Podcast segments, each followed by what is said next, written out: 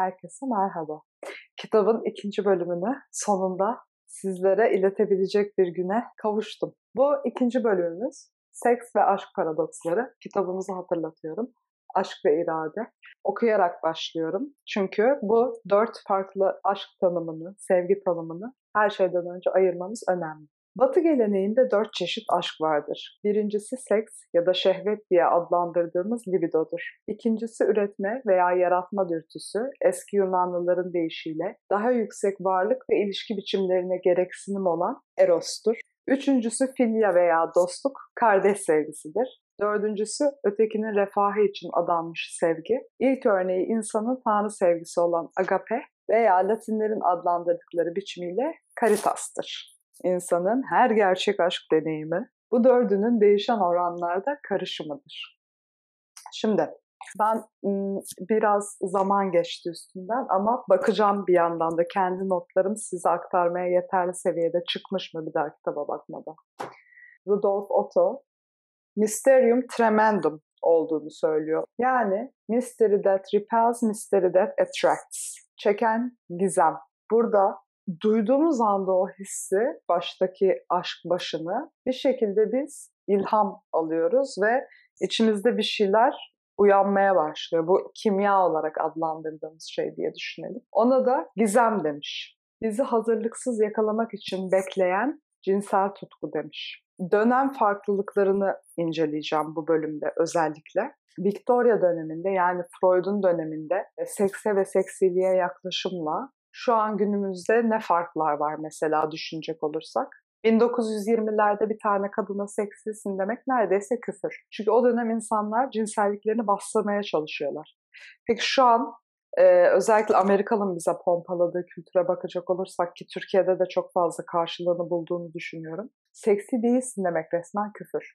Herkes ne estetikler bilmem ne. Ben ne? Bakın makyaj. Ya ihtiyacım olduğundan değil. Ama insanlar şu anda seksi olmamayı çok kötü bir şey olarak düşünürken o dönemlerde aslında seksi olmak insanların saklamaya çalıştığı ve duymaktan rahatsız olduğu bir durum. Psikiyatristlere giden bugünkü hastaların şikayeti genel olarak duygu ve tutku eksikliği.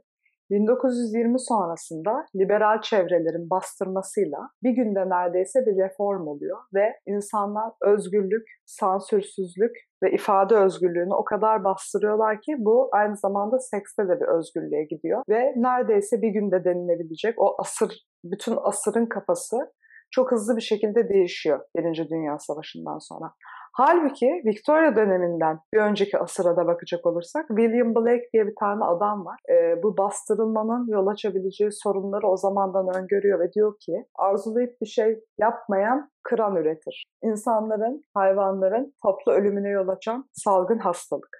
Yani bir şey arzulayıp yapmamanın sonucu çok büyük olur diyor. Fakat bunu Victoria döneminden önce söylüyor. Sonra Victoria döneminde bunu unutuyoruz. Sonra bunu tekrar hatırlıyoruz. 1910'dan önceleri cinsellik yaşadıklarında insanlar suçlu hissediyorlar. Bugün günümüzde tam tersi biz yaşamadığımızda suçlu hissediyoruz. Asla bir utanç duyma durumu söz konusu değil. Yalnız şöyle bir paradoks var. Şu anki aydınlanma bu insanların bir şekilde farklı yollardan o erdikleri durum henüz cinselliğin sorununu çözebilmiş değil. O yogalar, meditasyonlar falan henüz yeterli bir seviyeye gelmemiş durumda. Şimdi ne gibi bir olumlu tarafı var günümüzün? Bugün bilgiler çok daha ulaşılabilir bu konularda konuşulabildiğinden dolayı. Biz internetten herhangi bir şekilde bilgi bulabiliyoruz. İstediğimiz her yerde gebelik önleyici bulabiliyoruz. Özgürce, suçluluk duymadan, iğrenmeden seks konularını tartışabiliyoruz, gerçekleştirebiliyoruz dış sosyal kaygı ve suçluluk duygusu bugün günümüzde daha az. Fakat buna karşın iç suçluluk ve kaygının arttığı görüşünde yazarımız Rolome. Ve bu iç kaygı dış kaygıdan çok daha hastalıklı ve baş edilmesi çok daha zor bir durum. Dolayısıyla zihnimizde daha çok oynayan bir durumu var. Şimdi liberalizmin farkına varamadığı şu demiş kitapta, sınırsız ve boş özgürlükler denizi kendi başına özgürlük vermez. Aksine iç çatışma olasılığını arttırır. Çok özgür bir birey olarak diyorum ki evet, iç çatışma biraz fazla oluyor. Sansür versus ifade özgürlüğü. Mesela bir çıplaklar kampına gittiğimiz zaman çıplaklık kadar hani aslında önemsizleşen birdenbire ne oluyor? Çok önemsizleşiyor. Bu bizim Eros'umuzu besleyen şey, Eros'u ayıran şey insanın hayal gücünde demlendirebilme durumu. O da bir yaşam heyecanı, bir ileriye doğru iten güç olarak adlandırılıyor. Hem bu kitapta hem önceki çağlarda Peki tekniği fazla vurgulamak ne yapar? İnsanı mekanikleştirir. E, makinanın olayı nedir? Yapılan bütün hareketleri aynı şekilde yapabilir ama hissedemez. Şu anda biz böyle bir mekanikleşme yaşıyoruz. Hislerimiz azalıyor. Bu da mekanikleşme, yabancılaşma, benlik itimi ve yalnızlık duygusunu arttırıyor. Niteliği değil, niceliği, kaç kişi götürdüm, bu hafta ne kadar düzüldüm, bu hafta ne kadar düzdüm, tarzı şeyler kadında da erkekte de daha ön planda olmaya başlamış bir çağdayız. Performans önemli. İnsanlar nasıldı performansıma daha çok odaklı. Tutku var mıydı, zevk var mıydı, anlam var mıydı? Bu olmalı sorular. Çok daha güzel de ele almış mesela geciktirici krem falan. Yani orada adam zevkinden kısarak performansını arttırmaya çalışıyor. Olayın özünü kaybediyorsun. Olaya değil gibi hissettiğin anda bir şeyleri yaşayamıyorsun. Birine bir şov yapmak için. Tamamen konuyu dağıtan davranışlar edindik. Connolly buna orgazmın zulmü diyor. Bir başka yabancılaşma şekli diyor. Aynı anda boşalma kaygısına mesela. Hakikaten bu çok pres yapan, doğallığından çıkaran bir şey. O yüzden e, iktidarsız sevişme en güzel sevişmeleri savunan bir başkası da var. Eskiden yatmak suç. Şimdi birkaç buluşmadan sonra hala vermemek hissiyat olarak. Eskiden sekse karışmadan aşkı arıyorduk. Şimdi aşka karışmadan seksi arıyoruz. Freud ve püritenlik başlığımızın altında şunları inceliyoruz. Freud bu arada kendisi 30-40 yaş arasında aktif bir adam.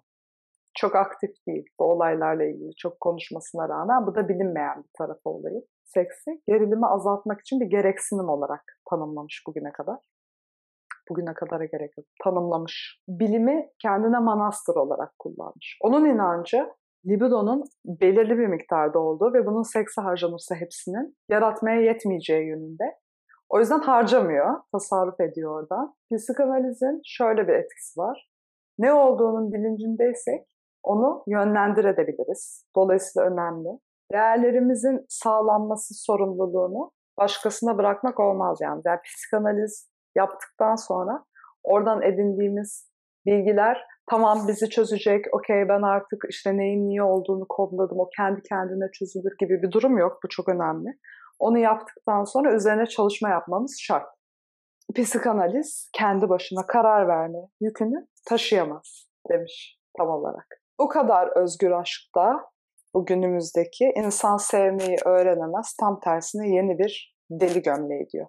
Ve cesaretin tanımı da değişiyor bu önceki çağ ile günümüzdeki çağ arasında. Eskiden cesaret toplum gerekleriyle çatışmak. Okey, anarşistler falan. Şu anda cesaret kişinin içindeki diğer bir insana bağlanma yetisine doğru değişmek ve gelişmek. İfade özgürlüğü günümüzde çok çana hedonizmle karıştırıyor. Ben de karıştırıyorum. Yalan yok bazen okumadığım zamanlarda. Okuyunca Aa, hatırlıyorum ben de bunu yapıyorum diye. Şimdi şöyle bir şey oldu. Günümüzde bu e, kadın erkeklerin aslında çok fazla eşitlikçi davranması da bir sıkıntı yaratmaya başladı. Kadınların kendilerini erkeklerle renk görüp buna yönelik kendi doğalarını reddeden bir tutum takılmaya başladılar. Bunu başka bütün bu konuyla ilgili düşünürler de değinmişliği var insanların. Bu kitapta da değiniyor. Yani biz kendimizi, ruhsal yapımızı, fiziksel farklılıklarımızı, ruhsal yapımızın farklılıklarını, Jung'un anima, animusunun farkını falan filan reddedip ben eşitim gibi bir şeye kalkıştığımızda ve ben bunun yanlış olduğunu mesela çok geç fark ettim. Çok fazla insanı da gözlemledim. Erkeklerle eşitmiş gibi yapıyoruz. Değiliz. Aynı yapı değiliz. Ve bu benlik itimine yol açıyor. Dolayısıyla insanların rollerinin farklı oturmasına, yanlış oturmasına yol açıyor. Bu bize iyi gelmiyor. Bu eşitlik safsatası olmaz. Değil herkes rolünü güzel benimserse olay çok daha sağlıklı bir yere gidebilir. Evet bu demin anlattığım durumun kimlik anlayışına zarar verdiğinin özellikle altını çizmiş bu. Tek başınalığı yenme umudu, boşluğa ve duygusal kayıtsızlığa çare demişim. Sayfa 58'i oku demişim. Eşler kendi bedenlerinin ölmediğini kanıtlamak için bir başkasının bedenine kendilerininkine cevap veren bir titreyiş bulmayı umarak sarılıp ve soluk soluğa kalıp titrerler. Kendi duygularının canlı olduğunu kanıtlamak için ötekinde bir karşılık, bir özlem ararlar demiş. Güzel bir tanım. Neye tanım? Cinsel. Yaşantıya tanım. Neden teknik başarıya önem arttı? Çünkü günümüzde seks iktidarı kanıtlamak için kullanılan bir şey haline geldi. Aşk yaşamaktansa. Dolayısıyla o teknikler falan hep performans, iktidar, daha iyi başarı için daha az his. Ne kadar saçma değil mi? Hissiyatından çalıyorsun başarılı olmak için. Şimdi çoğu erkek kadını orgazma ulaştıramadığında kendi erkek ya da insan kimliğini hissedemez demiş. Çok doğru. O, kendisini orgazm etmesine izin veren kadına minnettarlık duyar demiş. Yalnız bu şöyle bir talep hali aldığında çok sıkıcı bir duruma geliyor.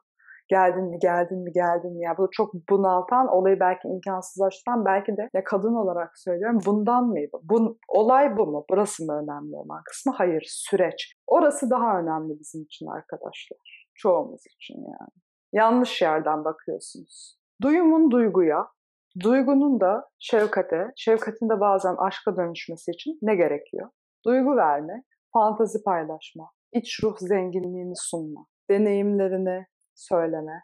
Ya artık e, unutulmuş değerler ilişkilerde. Genelde insanlar bunu eksik tutuyorlar. Playboy dergisi mesela ne yaptı zamanında? O hiç mention'ını terk etmeyen Hugh Hefner nasıl bir şey oturttu topluma? kadın bir aksesuar gibi ondan sonra gözükmesi gereken bir form var. Kızı modaya uygun giysi parçaları gibi kendi aksesuarı gören de bir erkek kadrosu yarattı. Onlar tatlı dilli, kendinden emin bekarlar. Beyaz ırk. Algı değişti aslında. Çok önemli bir dönemin bu ilişkileri değiştiren ve yanlış bir yere koyan önemli bir dergisiydi. Orada çok inceleniyor hala bu durum. Harvey Cox bu durumu yorumluyor.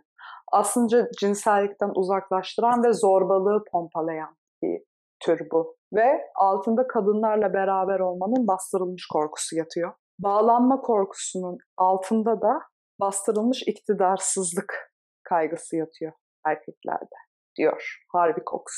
64. sayfayı okuyorum. Seks son sınırdır der David Riesman anlamlıca Yalnız Kalabalık adlı kitabında. Gerald Skies aynı şekilde piyasa raporlarıyla, verim artırma incelemeleriyle, vergi kurallarıyla ve patoloji laboratuvarı tahlilleriyle grileşmiş bir dünyada baş kaldıran için seks tek yeşil şeydir diyor. Bir aşağıya okuyorum. Son sınır kaynayan bir Las Vegas'a dönüşmüş ve sınır olmaktan çıkmıştır. Artık isyan edecek hiçbir şey kalmadığı için gençler seks ile isyandan gelen yasa dışı kimlik hissini tadamıyorlar. Gençler arasında madde bağımlılığı araştırmaları, gençlerin eskiden seksten gelen anne babaya karşı isyanı, sosyal canlılığı artık uyuşturucudan aldıklarını, söylediklerini bildiriyor. Bir araştırma öğrencilerin uyuşturucular heyecan, merak, yasaklanmış macera ve toplumun giderek serbest bırakış, bırakışı ile eş anlamlıyken seksten bir bakıma bıktıklarını ifade ettiklerini belirtiyor. Bu da günümüzde ne niye bu şekilde ilerliyor yorumuna örnek gösterilebilir. Şimdi e, biz aslında şu anda biseksüel, çok sok, çok seksüel, çok sok o kelimeyi söyleyemeyeceğim. Biseksüel, çok seksüel bir topluma doğru evrilmiyoruz. Aseksüel bir topluma doğru evriliyoruz diyor. Savruluyoruz diyor. Romans kayboluyor. Aslında neredeyse kayboldu. Kaybolmadı mı sizce de? Peki ileride tamamen sperm bankasından alabildiğimizde zaten bu ilişkiler iyi gitmiyor. Gördüğünüz gibi evlilikler hiçbiri iyi gitmiyor falan filan. Kalacak mı romans? Romans nasıl kalacak? Benim kardeşimin döneminde nasıl kalacak? Bir alt dönemde nasıl kalacak? Bu kadar teknolojiyle birbirleriyle konuşmayı unutmuş, iletişim unutmuş insanlarda romans nasıl kalacak? Daha bizde bile yok. Niye? Okuma bitti. Kitap okumuyor kimse. Yani nasıl ben kitap okumayan adamla ne romans yaşayacağım? Yani hiçbir şeyin özüne inemiyorsun, altına inemiyorsun, bir konuyu derinlemesine tartışamıyorsun falan filan. Bilmiyorum. Bu bölümde böyleydi. Çok bir yorumum yok. Sizin varsa var. Bir sonraki bölüm çok alakadar eden bir konu. Görüşmek üzere. Bye bye.